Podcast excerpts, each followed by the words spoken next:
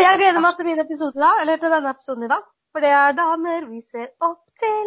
Du, du, du. Damer vi ser opp til. Stort tema, altså. Og det er et kult tema. Og nå følte jeg at vi burde hatt sånn Når vi introduserer de damene, så syns jeg vi egentlig burde Vi må få vår sånn, eh, sånn brett med masse Jinglepad. Ja. Vi må få jinglepad. Vi må låne Hermansen jinglepad. Velkommen til denne ukens episode av Kjerringrådet. Vi har igjen samla oss alle fire digge chicksa, flotte kjerringene, fantastiske frøknene. Og denne uka her så er vi rett og slett en gjeng på fire som ønsker å prate om kvinner vi ser opp til. Enten det er en kjendis som har stått fram og gjort noe supert, eller et familiemedlem som bare er helt magisk med sin fremtreden, eller en politisk person som man beundrer, hvem som helst. Det er så sinnssykt mange bra damer der ute. Vi fire inkludert, selvfølgelig. Og i dag har vi rett og slett tenkt å hylle noen av de vi ser mest opp til. Sara, er du klar for å jazze om damer du ser opp til? Ja! Ja! Hurra! Du er jo den unge av oss. Hvem Jeg står her med, med hånda opp, sånn som hun derre Sånn derre 60-tallsplakaten med hun dama med skaut på huet og så bare Yes, we can do it! Men jeg har ingen damer jeg ser opp til, altså. Det tror jeg det er verre med. Nei, for du Det kan hende du har skaffa deg noen etter denne episoden her, da, vet du. Det kan jo hende at jeg må få hjelp av dere til å finne en dame jeg kan opp til. Det Er er du litt ser- er du litt der du ser opp til Marcus og Martinus, liksom? Jeg er akkurat litt for gammel for de, altså. Så Litt der Litt mer er på Justin Bieber. jeg er på Justin Bieber. Han var jeg så forelska i at jeg flate. Skjønner ikke hvor forelska i da. Jeg skjønner. Så det er ikke så mye Rosa Park med deg? Nei, dessverre. Gloria Steinem og de. Det har jeg aldri hørt om det dere prater om nå. Bare ja. Educate yourself. Sammen med oldiser, vet du. Kanskje dette her er den episoden du lærer mest. Mm. Det kan godt hende. Stort Mm. potensial for det, altså. Men hvem ser vi opp til, damer? Skal vi starte litt med litt sånn eh, internasjonalt, eller litt eh, innad i landet? Jeg har ikke så mange internasjonale. Jeg har egentlig holdt meg lokalt. Jeg lurer rett og slett på i dag, jeg, flotte damene mine hvem ser, Hvilke damer ser dere opp til, og hva gjør at de er noen de, dere ser opp til? Er det noe spesielt de har gjort? Er det måten de oppfører seg på, eller er det verdien deres? Altså, hva, hva gjør dama du ser opp til, til en dame du ser opp til? Jeg har en gjeng med damer jeg ser opp til, eh, som har samla seg i en liten eh, Hva heter det? En liten flokk. Ja. Og det er rett og slett Løvemammaene. Eh, de er på Snapchat, de er på Facebook, at Løvemammaene. Eh, og de har vist oss foreldre til annerledesbarn og hele landet at det nytter å slåss. Det nytter å si ifra til politikere, det nytter å rope høyt når eh, det blir endringer i lovverk som er direkte skadelig for barn så nytter det å slåss, og det nytter å si imot.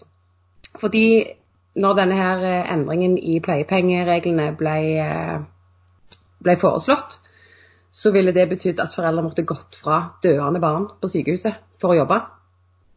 Og Løvemammaene er en gjeng mammaer til alvorlig syke barn som samla seg og gikk direkte til kamp mot politikerne. De stilte statsministeren til veggs og spurte hvem skal passe ungen min når jeg er på jobb.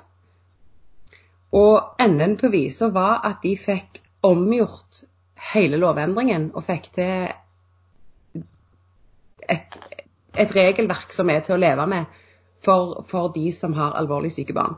Eh, og nå har de tatt det så langt at de hjelper andre som står i vanskelige situasjoner og faller mellom stoler, og, og de, tar slitne, frustrerte, livredde foreldre litt under vingene. Eh, og, og slåss like mye for andre sine unger som, som sine egne. Det høres jo ut som en helt fantastisk gjeng. Jeg skjønner veldig veldig godt at du ser opp til dem. Det er eh, det der å stå på for andres rettigheter og det å kjempe for at ting skal være som du sier til å leve med, det, det er helt vanvittig. Og det, er, det krever sin dame, altså. Mm, absolutt. Og de, du kan følge dem på, på Snapchat og på Facebook. Og jeg anbefaler alle å ta en liten titt eh, og gi dem en like. Så de får eh, Jo flere følgere, jo mer godt arbeid får de gjort. Ja, det kommer i hvert fall jeg til å gjøre, og det tror jeg resten av kjerringene òg gjør. Jeg har faktisk fulgt de en del på Snapchat, og jeg har jo sett eh, kampen og hvor eh, jævlig de har hatt det. Så en eh, stor hyllest til de også. Det er bare å ta av seg hatten. Jeg for min del må jo innrømme at jeg ser veldig opp til litt mer jordnært min bestemor, jeg, da. Det er eh, Jeg har ei bestemor Hun er jo da også oldemor til mine barn. Hun er eh, ja, Nå er det nesten så jeg lurer på om jeg begynner å ljuge på poden, men at hun er 76, tror jeg. Jeg ble brått usikker på alderen hennes. Men hun stiller altså opp. Vi deler jo Vi bor i en generasjonsbolig, så vi er rundt hverandre hele tida. Og hun tar imot mine barn når de kommer hjem fra skolen hvis jeg er på jobb. Hun hjelper meg å sende dem av gårde om morgenen hvis jeg må reise på jobb før dem. Og hun lager middag, hun steller og pleier og ordner og disker opp for bestefaren min på over 80, som dessverre fikk litt skrantende helse i fjor. Og hun styrer og ordner skikkelig. Og det er bare et sånt magisk menneske som jeg ikke kan beskrive med ord hvor mye betyr for meg. Og den, den omtanken da, som hun har for absolutt alle rundt seg, det er eh, Nei, det er rett og slett helt magisk. Jeg syns det er helt vanvittig, og alle fortjener en sånn bestemor. Eller et sånt type menneske rundt seg i hverdagen.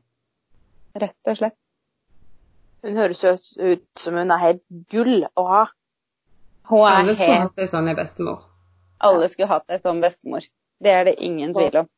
Det er sånn som den sangen som Odd Nordstoga synger, sånn en 'Farfar i livet'. Dere har hørt den? Mm. Ja. Som alle har. Jeg kjenner jeg må, når, jeg, når jeg hører den reklamen med den sangen, så må jeg på en måte enten gå litt ut av rommet, eller bare rett og slett skru av lyden på TV, for jeg kjenner jeg blir litt sånn litt grepet. Jeg tenker Av- at av det akkurat den. får bare stå til. Jeg griner. Ferdig snakka. Jo, men jeg griner liksom nok i uka. Jeg er sånn tutekjerring. Jeg griner jo bare noen sier hei på feil måte, eller riktig måte, alt etter sånn.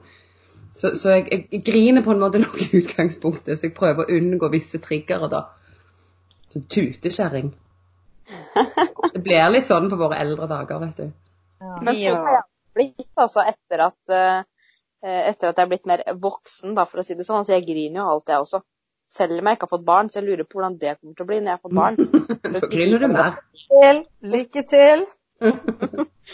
Jeg har funnet ut at, det, at hvis, du, hvis du ser for deg følelsen som en skala fra, én 1 til 10, hvor på en måte medium er sant, midt på Hvis ikke jeg ligger mellom 3 og 7 på den skalaen, hvis, det blir, hvis jeg blir for sint, for lei meg, for glad, for whatever feeling, så griner jeg. OK. Mm. Ok. Jeg er er Og, sånn. og da føler du deg grævla smart når du som voksen dame er så sint at du står og hulker. da blir du tatt veldig seriøst. Jeg blir så sint at jeg begynner å grine. Det er bare sånn det er. Det virker jo ikke når du er sint. Nei, og så mister du all, all troverdighet Mhm. når, du, når vannverket kommer i starten. Jeg har jo mange damer, jeg, som jeg ser opp til, jeg også. Ja, bare. Både av litt sånn derre Kjendis-Norge, men også litt sånn det jeg kaller for litt sånn hverdagshelter, på en måte. Eh, Jeg er eh, veldig Jeg ser veldig opp til, og det er sikkert veldig mange som kommer til å ikke se komme, men jeg ser veldig opp til Else Kåss Furuseth. Men hvem ser ikke opp til Else Kåss Furuseth? Den dama der er eh, i mine øyne helt fantastisk. Og det å kunne snu en situasjon som er så vond eh, og så vanskelig, til å kunne le av ting, og til å på en måte kunne se på ting med en sånn humoristisk råblikk, det er bare Jeg ser veldig opp til henne i forhold til det å liksom det her med å grave seg ned, da. Mm. At man liksom kan velge litt hvordan man ser på situasjonen. Ja, så skjedde det noe helt forferdelig, noe helt ekstremt vondt og vanskelig som du ikke kan på en måte gjøre noe med. Men allikevel så, så finner du noen lyspunkter. For meg er hun et kjempeforbilde i forhold til det. Det er litt sånn Ja, nei. Hun, jeg ser veldig opp til henne. Ja, det er vi flere om. Nå, jeg må være så ærlig og innrømme at jeg hadde ikke sett noe spesielt til henne annet enn i småsketsjer og forskjellig, før hun kom med, med Else om selvmord. Og når jeg da fikk se henne i den settingen jeg, jeg fikk så sansen for den dama. Og det å gå ut åpenlyst og snakke om et så sårt og så betent tema med den bagasjen hun har, jeg tar av meg hatten og bøyer meg i støvet, for det er helt, helt vanvittig modig gjort. Jeg tenker, Der, der er jo betegnelsen på modig. Mm. Og eh, Else sitt eh, show også, 'Kondolerer'.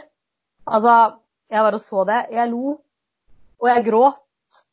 Og jeg lo så jeg hadde vondt i magen, og jeg gråt så jeg var helt sånn hoven i ansiktet. Altså, jeg var jo gjennom Jeg var helt utslitt da jeg var ferdig eh, med det showet. For jeg var gjennom hele følelsesspekteret eh, på en gang. Og det mm, Så Else Kåss Furuseth, det er en sånn dame som jeg liksom bare har Som har fått sånn sinnssykt sånn stor plass i hjertet mitt. Eh, fordi at eh, jeg tror ikke det kommer til å finnes noen dame noen gang eh, som fronter eh, en så alvorlig sak på den måten som det hun har gjort. Da.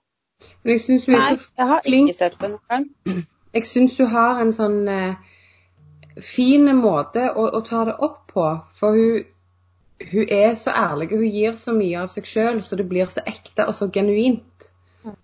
Ja, det er nettopp det. Hun gjør det på en måte som er tvers gjennom ekte. Det kommer over virkelig at det er noe Det er ikke bare tull, liksom. Det er virkelig hennes opplevelser. Og ja, ekte. Det Det føles ikke som om hun har så Altså når du ser, eh, Ofte når du ser dokumentarserier eller eh, TV-program eller hva som helst, så føles det som om altså, du ser de er på jobb.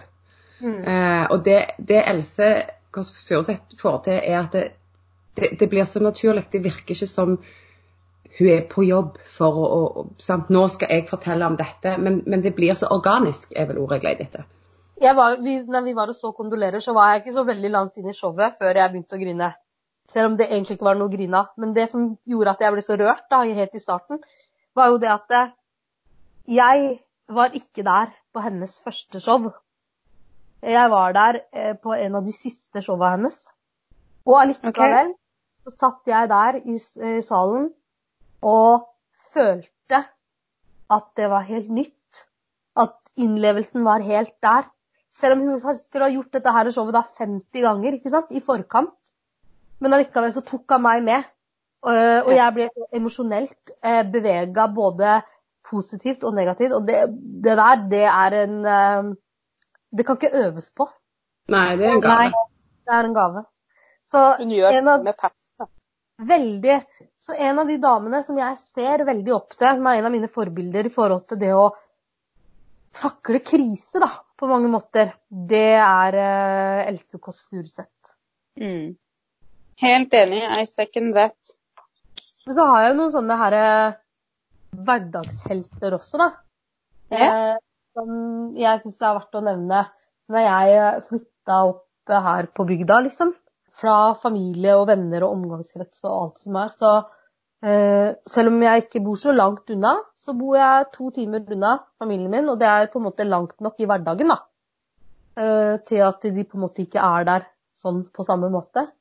Eh, og da ble jeg kjent med ei dame her oppe som heter Jenny.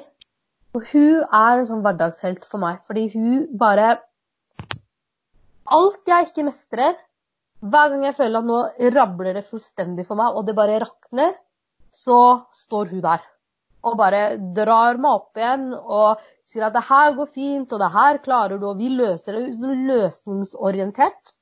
Og når jeg får liksom Når jeg blir voksen, for det føler jeg ikke at jeg er helt ennå, men jeg får liksom fordi når jeg gikk gjennom det bruddet, da, så var det så mange ting som på en måte ble så tilbakesatt. Men jeg håper at en dag så kan jeg være noen sin Jenny. Fordi at hun har betydd så mye for meg. Hadde det ikke vært for henne, så hadde jeg ikke klart å stable meg på beina. Jeg tror, vi, jeg tror vi alle har en sånn en Jenny. Alle, alle burde iallfall ha en Jenny. Ja, og det syns jeg er Det er liksom, det streber jeg etter. da, At jeg også skal kunne være noens Jenny. Min heter ikke Jenny, da. Eh, men jeg har ei. men hun heter ikke Jenny. Hun heter Amanda. Eh, og hun er Hun moppa meg opp fra gulvet eh, når jeg skulle få minstemann. Vi møttes på observasjonspost for gravide. Hun var høygravid og syk og ville ha baby ut. Jeg var ikke så veldig gravid og ville holde baby inne. Eh, og vi ble plassert på samme rom. Og jeg får en mildt sagt nedslående beskjed om at denne babyen den kommer snart. Og hun ligger i senga si når legene gir meg beskjeden, for hun er så rolig at legene visste ikke hun var der. Vanligvis så sender de jo på en måte folk ut når de skal gi sånne beskjeder.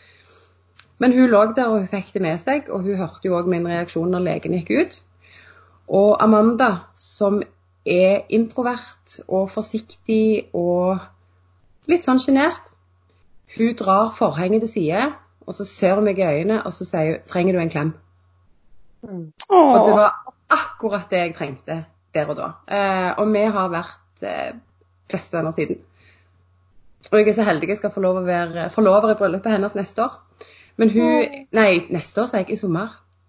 Eh, det har jo nettopp vært nyttår.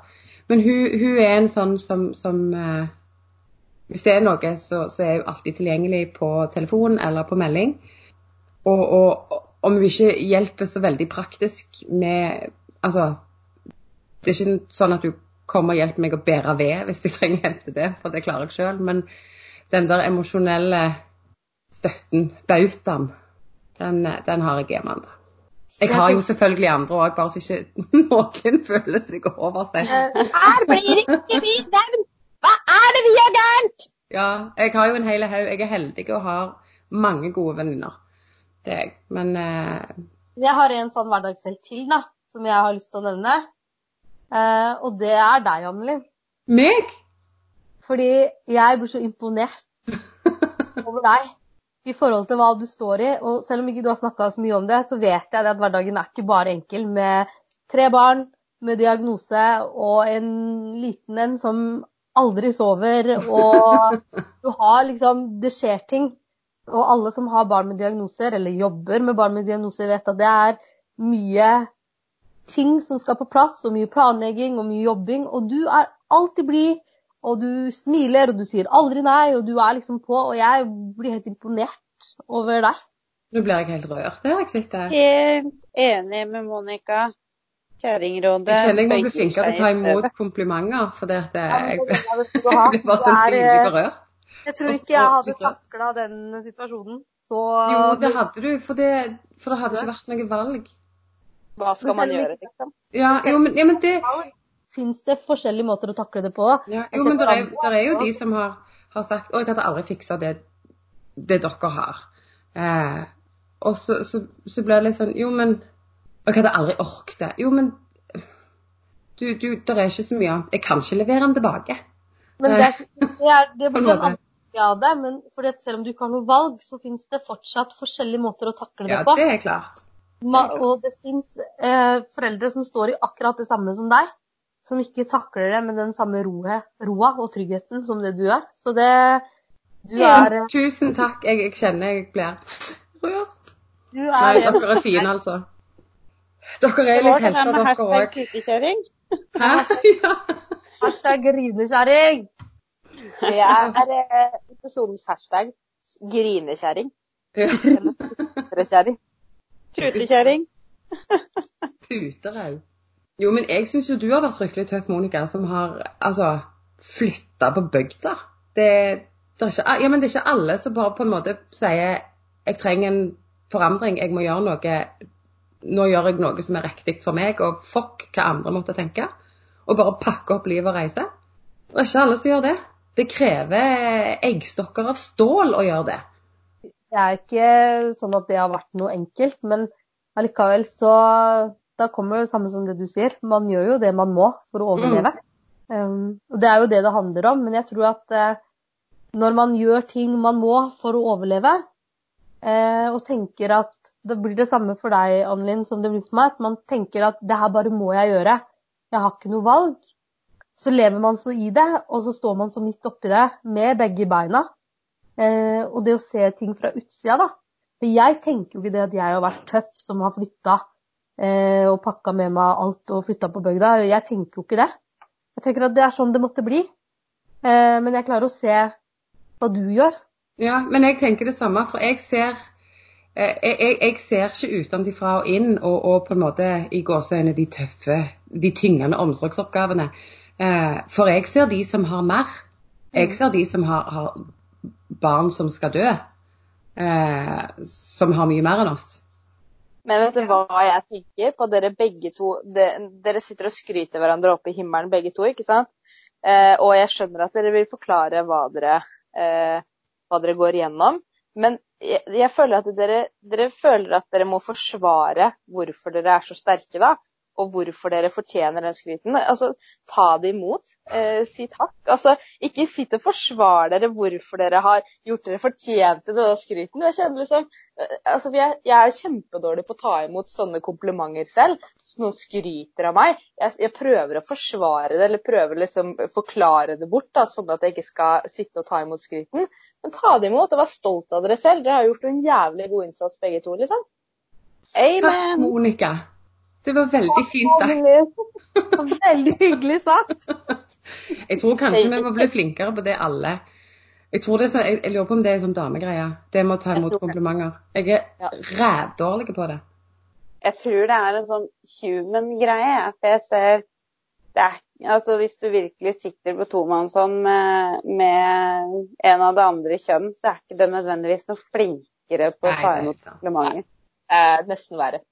Ja, altså Vi damer vi har den mekanismen at vi skal gjerne forklare hvorfor vi ikke skal ta imot komplimentet. Fordi vi måtte bare, eller for sånn var det. Mens mannfolk, de, i mange settinger, i min erfaring, da, så tuller de det bort. Mm. Mm. Så vi har jo Irriterende. Hvorfor kan du ikke bare ta imot det komplimentet? Det er bare å si takk. Tusen takk. Men jeg jo- kjenner jo igjen tror at jeg gjør jo akkurat det samme. Ja. Jeg tror at det handler jo litt om det å, det å liksom skulle um, Vi er jo vi er vokst opp i Norge, vet du, med jantelov og alt som er. Uh, og vi Gud skal ikke- at vi skiller oss ut og Ja. faktisk klarer å få til noe. Eh, og, og det kan jo jeg på en måte si noe om i forhold til min egen del. Altså, jeg vet jo hva slags historie jeg har. Ikke sant? Jeg vet at um, jeg har Jeg er jo adoptert, så mest sannsynlig så Eller ikke mest sannsynlig, men jeg har jo da hatt en ganske kronglete start på livet. Med relasjonsbrudd opptil flere ganger før jeg liksom ble to år. Eh, fordi at det er realiteten når man er adoptert, eh, og som man kanskje ikke blir så bevisst på før man er voksen. Og jeg har vokst opp eh, og hatt en ganske sånn hektisk barndom. Eh, og så, når jeg ble skilt, så, så måtte jeg på en måte bytte omgangskrets, fordi at eh, jeg følte det ble veldig vanskelig. Eh, med tanke på at eh, vi er pinsevenner, egentlig. Så var ikke det så greit. Og da bli stående på bar bakke uten jobb og uten utdanning og noen ting, så klart at da, da står man da og så tenker man tilbake, og så kan jeg jo se det. Hvis noen andre kommer og forteller sin historie, og det er samme greia, så kan jeg tenke oi, så sterk du har vært. Alt du har klart å Mm. få til, liksom. At det går fint. Mens i min egen eh, situasjon så står jeg og tenker at ja, men hva hva var alternativet da? Kanskje, vi rett og slett, kanskje vi rett og slett ikke er flinke nok til å se vår egen styrke oppi det. Det tror jeg. Og og det, er jo, det går jo litt igjen av alle disse damene som vi ser opp til. da. Så er det jo den her eh, styrken og evnen til å si at eh, jeg ordner opp. Jeg fikser det. Mm. Sant? Jeg ordner det her. OK, det, her kom et problem. Jeg fikser det. Litt sånn som min Jenny. Som bare Da fikser vi det. Det er jo derfor jeg ser opp til henne, fordi hun er praktisk, og hun bare får det gjort. Og det, det tror jeg er liksom vanskelig for oss å se om oss selv, da. sant?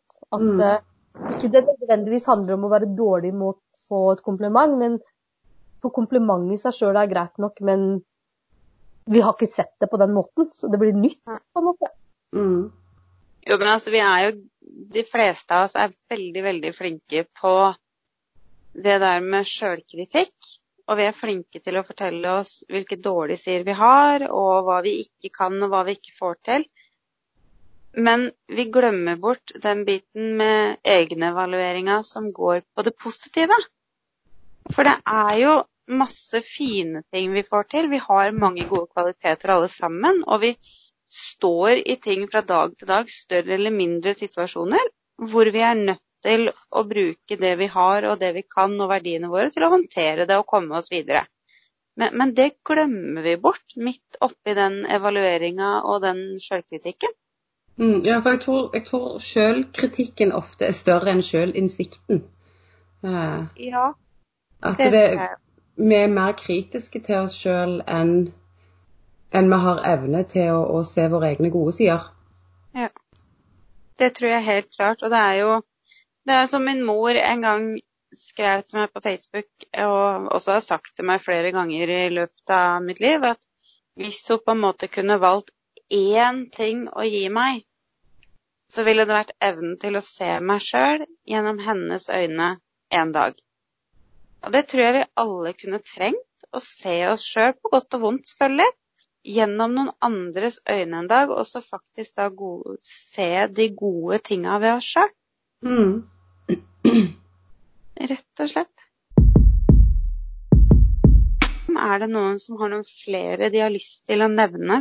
Greta Thunberg. Hun tenkte jeg på i stad. Jeg tenkte herregud, jeg har noen jeg, har ikke noen jeg ser opp til. Jeg, kanskje jeg bare skal nevne henne for å ha nevnt noen. Liksom. Ja, nei, men hun Da, da snakker du Altså, tøff lita jente. Altså lita jente, lita jente, hun er jo tenåring, men var 16 år altså, og møtte Donald Trump og står i miljøkrisedebatter. altså, hun, hun stikker nesen fram og gjør en innsats. Puts her money where her mouth is. For hun har snakket ut om fly og hvor mye det forurenser. Og når hun da skal til USA, så er det ja, ja, men da seiler vi, da. Ja. Det, er ikke, det er ikke bare snakk. Hun, hun viser det med, med, med handling, mer enn at hun at det, blir, altså, det blir ikke bare pjatt. Seila hun faktisk til USA? Ja, Shit. ja, og hjem igjen. Ja. Jeg tror hun seila hjem igjen, ja. Eller så fikk hun haik med en lastebåt eller et eller annet sånt. Men hun Nei, jeg tror hun seilte hjem òg. Jeg tror hun haika med noen sånne bloggere eller vloggere på YouTube eller et eller annet. Men hun seilte til USA fordi hun skulle ikke fly. Og hun våger å snakke høyt om et tema som er fryktelig betent. Det er mange som ikke tror henne, og hun baserer sine utta- uttalelser og sine taler på forskning og fakta fra respekterte forskere. Og det er hun åpen om. Dette er ikke min forskning, dette er han og hun sitt. Eh, Og jeg syns hun, hun er fryktelig tøff. Det er jo beintøff. Altså, hun er ei ung jente som har valgt å stelle seg sjøl midt i skuddlinja på et av de mm. temaene som er mest betent over hele jordkloden i dag, nemlig klima og miljø. Og det, det krever bein i nesa og ryggrad av stål å stå i det som hun står i. Mm, og jeg tror til og med de som er uenige med henne, må være enige i at det, det krever guts å gjøre den jobben hun har gjort. Og det er mange som sier å ja, men hun har folk bak seg som skriver taler og i det hele tatt. Og alt jeg har å si da, er at ja, men alt jeg har å si da er at Trump skriver ikke talene sine sjøl, han heller. Nei, ikke sant. Og hun står i fronten der. Mm, Det er hun som tar støyten for alt. ja. Ja. Det er hun som blir gjort narr av av voksne menn. Og Voksne måten hun, også. Måten hun har tatt disse her Trump-utspillene på, med at hun gjør det til eh, bioen på Twitter-kontoen, syns jeg er helt fantastisk. ja, Dritkult. Nei, det, det er tøff jente. Jeg, ja, en dame som heter Laila Rode, som er ikke en veldig kjent dame, egentlig. Med, hvis ikke man er i de rette kretsene, sånn sett. Men hun er eh, en dame som jeg har fått veldig sansen for. Eh, og da går det litt mer på det å ta vare på seg selv. Og det å på en måte følge den derre Stå for det man tror på og har lyst til å gjøre. Og det å liksom kjenne litt på magefølelsen og riktig timing for ting. at det er lov å si nei. Eh, fordi at når du sier nei, så kommer det som oftest noe annet som kanskje er mer riktig. Eh, jeg syns hun, hun, har mange bra tanker fra å liksom vært i en lederrolle og hatt en sånn superfancy jobb, og til å bare liksom trekke seg tilbake og si at nei, dette her, det er ikke bra for meg. Jeg velger noe annet. Og så gjør hun det litt sånn i stillhet. Eh, og så finner hun ut at hun har lyst til å bli manager for Herman Flesvig. Visste ikke jeg hadde hørt det navnet. Ja, det måtte jo være 100 Hun har vært manageren hans i ganske mange år. Før han ble kjent. Og jeg hørte en podkast av henne hvor hun på en måte snakker om veien de har gått fram til de har kommet dit de er i dag. Og det er ganske fascinerende. Og da snakker vi om en dame som har eh, is i magen eh, og er sykt god på timing. Mm. Det jeg blir fascinert av ved henne, det er akkurat det ordet timing. At vi har så fort for å rushe inn i ting. ikke sant? Og vi skal gjøre ditt, og vi skal gjøre datt, og vi skal eh, på en måte få til så veldig mye. Og da tenker jeg litt på oss uh, i forhold til podkasten også. Ja. hvor, vi, hvor, jeg på en måte sa dette her uh, for en stund siden. At det har jeg lyst til å gjøre. Og så var det litt sånn Ja, å, det hadde vært kult og bla, bla, bla. bla, bla ikke sant? Og så gjorde vi ikke noe med det. Men vi på en måte lot det ligge da, litt i bakgrunnen. Eh, og kanskje det på en måte, vi sådde en tanke, og så lot det gro litt. Og så, ja, det, det trengte litt modning, rett og slett. Og så plutselig en dag så sier jeg det til dere at vet du hva, det her vil jeg. Jeg vil ha en podkast. Kan, kan, vi gjøre det? Og så er det liksom Yes, vi gjør det! Og så er det alle mann på dekk, og så googler vi. Og så finner vi ut av hvordan vi skal få det til, og med tanke på at vi bor på hver vår side av landet og ikke sant, alt med seg. Og så finner vi en løsning, og så lager vi en promo.